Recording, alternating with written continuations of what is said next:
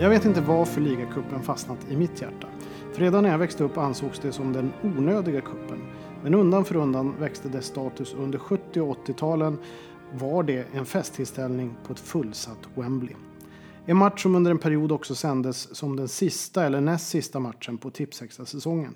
Om det ibland varit karga tillställningar i svår vinterskrud och med krampaktigt spel samt begränsad underhållning i matcherna före så sprakade det alltid om ligacupfinalen. Åtminstone som jag minns den. Cupfinalerna i England är speciella på många sätt men det är en sak som gör det extra stämningsfyllt. Färgerna. I den vanliga ligalunken såg man knappt några färger eller flaggor på läktarna.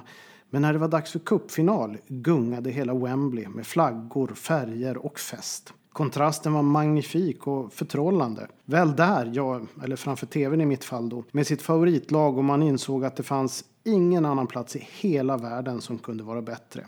Åtrån efter nya cupfinaler steg. Och tänk ändå om man hade kunnat vara där när det väl hände. Men den typen av ekonomi fanns inte när man var tonåring. En match som tyvärr inte sändes i Tipsextra var ligacupfinalen 1984 mellan Everton och Liverpool. Den första Merseyside-finalen någonsin. Mitt Everton skulle visserligen vinna FA-cupen samma säsong mot Watford men just finalen mot Liverpool slutade i förlust i omspelet efter 0-0 i första matchen. Men det är ändå just den där första matchen jag hade velat vara på. När hela Wembley färgas rött och blått och när fansen sjunger Merseyside, Merseyside mot bakgrund av allt elände på den tiden. Det vill säga den sociala misär som rådde på Merseyside, arbetslöshet, huliganism, sjunkande publiksiffror och all annan skit. Så hade detta varit något alldeles särskilt att få uppleva. Det finns en dokumentär faktiskt som går att finna på Youtube som handlar om fansen, Liverpool-fans och Everton-fans som åker ner gemensamt för att uppleva denna historiska tilldragelse. Jag kommer lägga upp det på Old School-sidan på Svenska fans. Och till helgen är det dags för ännu en ligacupfinal och ännu en gång är Liverpool Football Club ett av finallagen. Det andra är Manchester City. Båda med oerhört fina meriter i ligacupen. Faktum är att Liverpool är mesta mästarna med hela åtta segrar i en cup som fått en liten revival på senare tid. Visst, den kallas fortfarande för Kalle Anka-cupen, men exempelvis Manchester City har fokuserat mer på ligacupen i år än på klassiska FA-cupen.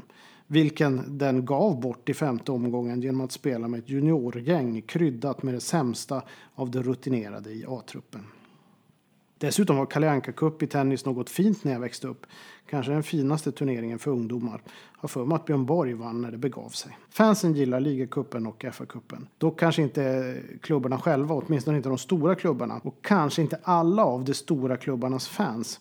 Som kanske tappat lite av passionen för skärmen med engelsk fotboll och endast tänker på att nå Champions League och där ta del av den guldbeströdda vägen upp till Parnassen och palatset. Men som sagt, några gillar fortfarande de inhemska kupperna och flertalet lag har eh, faktiskt rätt stora kontingenter av medföljande supportrar till dessa matcher.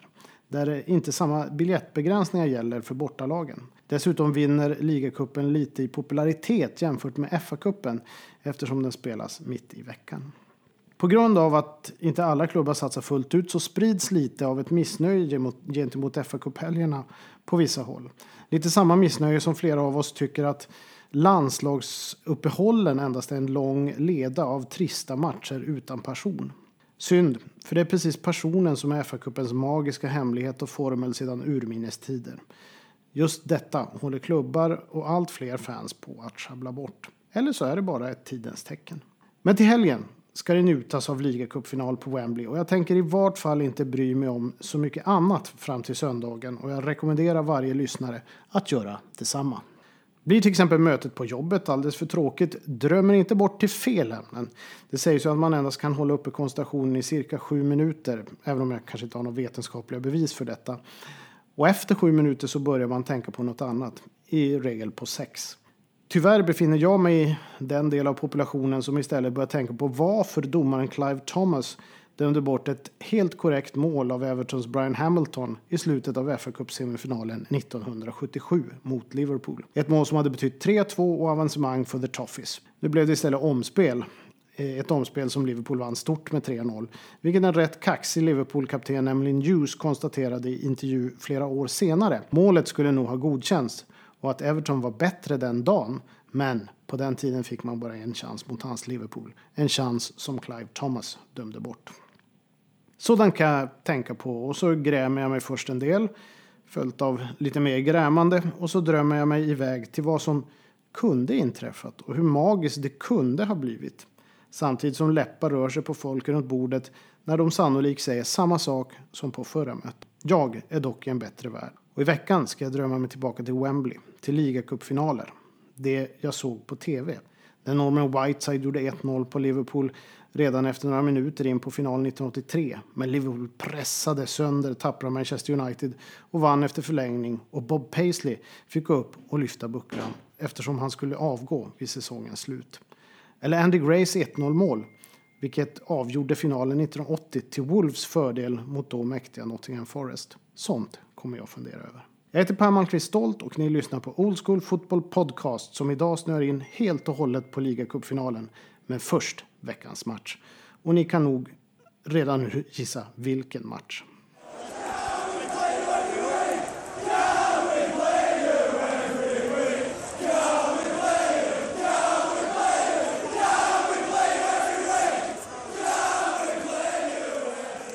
Ja, det är förstås ligacupfinalen.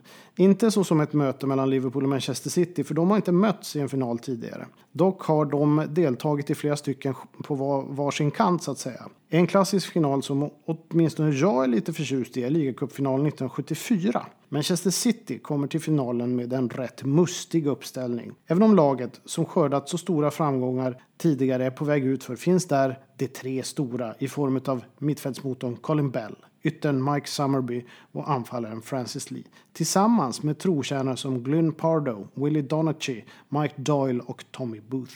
Dessutom kryddat med legendaren Dennis Law och så en av 70-talets stora lirare, Rodney Marsh. Den senare kommer att dyka upp i poddar framöver då det finns en hel del spännande runt honom.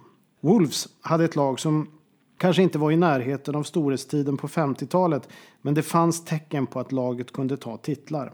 Tipsextra-giganter som Jeff Palmer, Derek Parkin, John McAll, Derek Dogan och Dave Wagstaff. För att inte tala om Kenny Hibbett. En box-till-box mittfältare som blev synonym med Tipsextra på 70-talet. Särskilt efter en kanonmatch mot Everton den 21 januari 1978. Då han spelade in sig i tv-tittarnas hjärtan. Där fanns också Alan Sunderland som 1979 skulle avgöra den berömda fyra minuters finalen för Arsenal mot Manchester United i FA-cupen. Men den främste var nog John Richards. Engelsmannen som stannade vid en landskamp på grund av stenhård konkurrens med bland annat Kevin Keegan, Martin Chivers och Alan Clark. Men tog målrekord för Wolves genom alla tider, eh, vilket sen slogs i och för sig då av Steve Bull. Eh, och just denna turnering, just denna ligacupturnering avgjorde han kvartsfinal, semifinal och skulle även avgöra finalen. Matchen slutade 2-1 till Wolves och eh, det var just Kenny Hibbett som gav Wolves ledningen i den 44 minuten. Sen kvitterade Manchester Citys Colin Bell i den 59 och till slut avgjorde förstås John Richards i den 85 matchminuten. Det var tider. Och så lite fakta om ligacupen. Den grundades 1960, så det är en ganska ung cup. Alla lag i ligasystemet, det vill säga alla 92 stycken ner till League 2, det vill säga alla lag som är så kallade proffslag, får vara med i kuppen. Till skillnad från FA-cupen där alla lag får vara med. De mest framgångsrika ligacuplagen eh, är som följer och då har jag rangordnat dem som har två segrar eller fler. Och då blir det i följande ordning. Nummer ett, Liverpool. Åtta segrar och tre finaler, utöver de åtta segrarna alltså. Nummer två, Aston Villa. Fem segrar plus ytterligare tre finaler. Nummer tre, Chelsea. Fem segrar plus två finaler. Nummer fyra, Manchester United. Fyra segrar plus fyra finaler. På delad fjärdeplats, Tottenham Hotspurs. Fyra segrar och fyra finaler. På sjätte plats Nottingham Forest, fyra segrar och två finaler. På sjunde plats Leicester City, tre segrar och två finaler. På åttonde plats Manchester City, tre segrar och en final. På nionde plats Arsenal, två segrar, fem finaler. På tionde plats Norwich City, två segrar och två finaler. På elfte plats Birmingham City, två segrar och en final. Och på tolfte plats Wolverhampton Wanderers, två segrar. Intressant här är Liverpool vann ju faktiskt sin första ligacup har jag för mig 1981. Eh, sen tog man fyra på raken och sen har man vunnit ytterligare. Sen är det ju då eh, Aston Villa. Överraskande bra här eh, jämfört med de andra eh, turneringarna under efterkrigstiden. Fem segrar är ganska imponerande och dessutom tre, tre finaler. Vi kan också se att Nottingham Forest hade en fantastisk eh, svit av tre eh, ligacupfinaler varav två segrar eh, i, på 70-talet.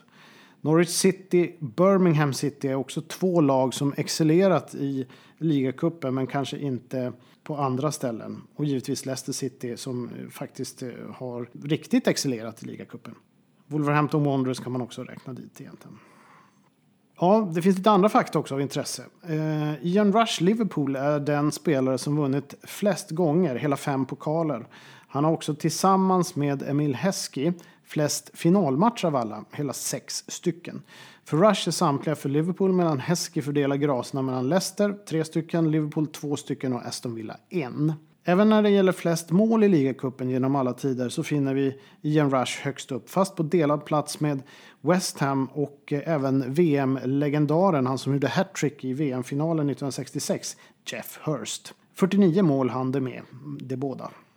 Vardera alltså. Clive Allen i Spurs eh, har dock rekordet på mest mål på en och samma säsong när han 1986-87 satte hela 12 bollar i nät under en säsong där han nådde smått osannolika 49 mål. Han var ju ostoppbar där. Och om jag inte missminner mig så åkte Spurs ut i semifinalen mot Arsenal i ligacupen det året. Eh, man förlorade dessutom FA-cupfinalen.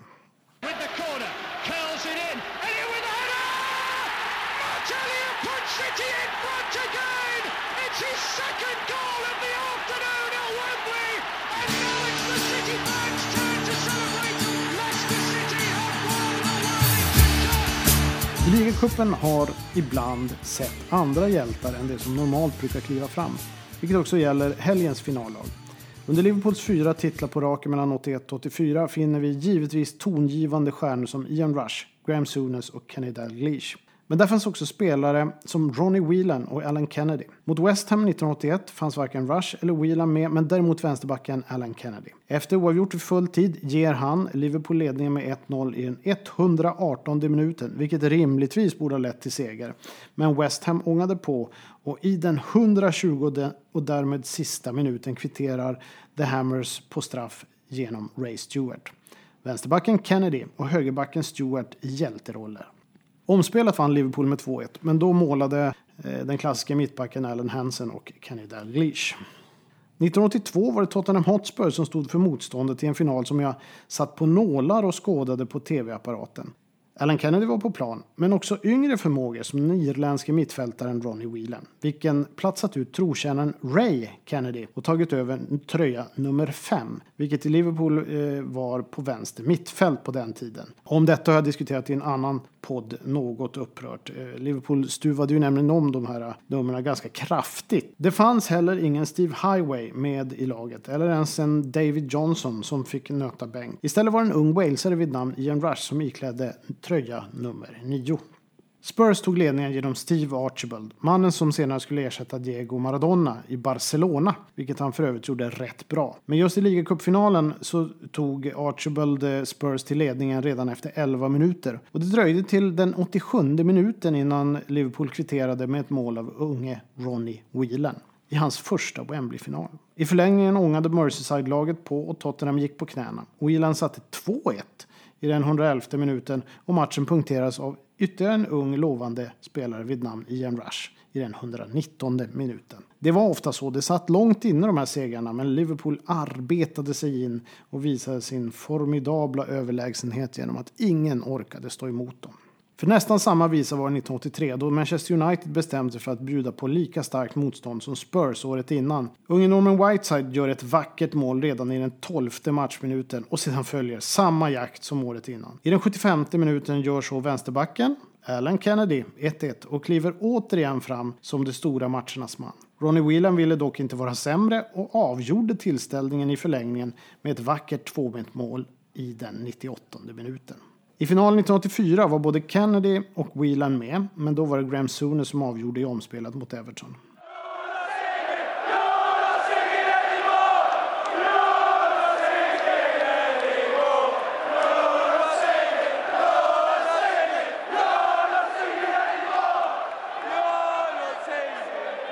Fyra ligacuptitlar på raken var ett faktum och doldisarna Whelan och Kennedy hade klivit fram och avgjort när det behövdes som allra mest. Båda fick för övrigt långa karriärer och ett CV som nästan är overkligt bra. Whelan tog sex ligatitlar, tre FA-cupfinaler, tre ligacuptitlar och en Europacuptitel. Dessutom hann han med 53 landskamper för Irland och fick även äran att vara lagkapten i Liverpool. Hans eh, Liverpool-karriär spände mellan 1979 och 1994, även om de sista åren kantades av skador.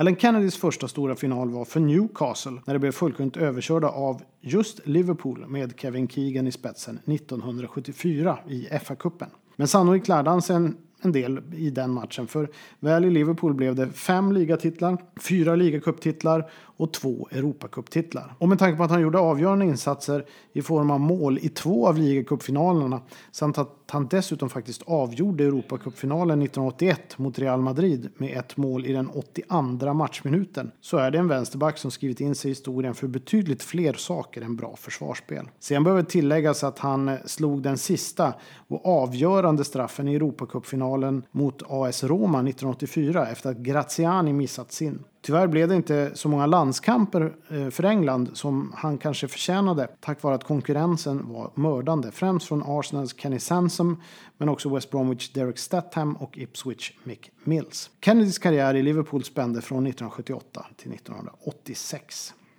Alan Kennedy var också på plan i en annan klassisk ligacupfinal, nämligen mellan Manchester City och Newcastle 1976. Då i Newcastles tröja och på det förlorande lagets sida.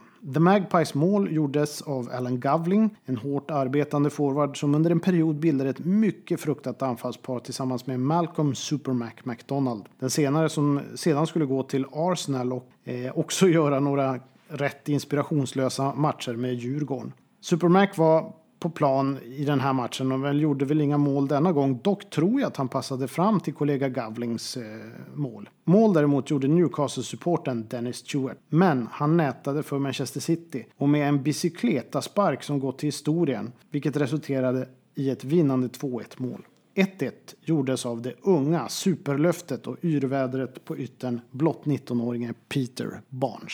Några år senare skulle Barnes sälja till West Bromwich för dyra pengar under en period då dåvarande managern Malcolm Allison ville bygga nytt. Vilket innebar att han sålde publikfavoriter som Barnes och Gary Owen och köpte in hiskeligt dyra spelare som underpresterade.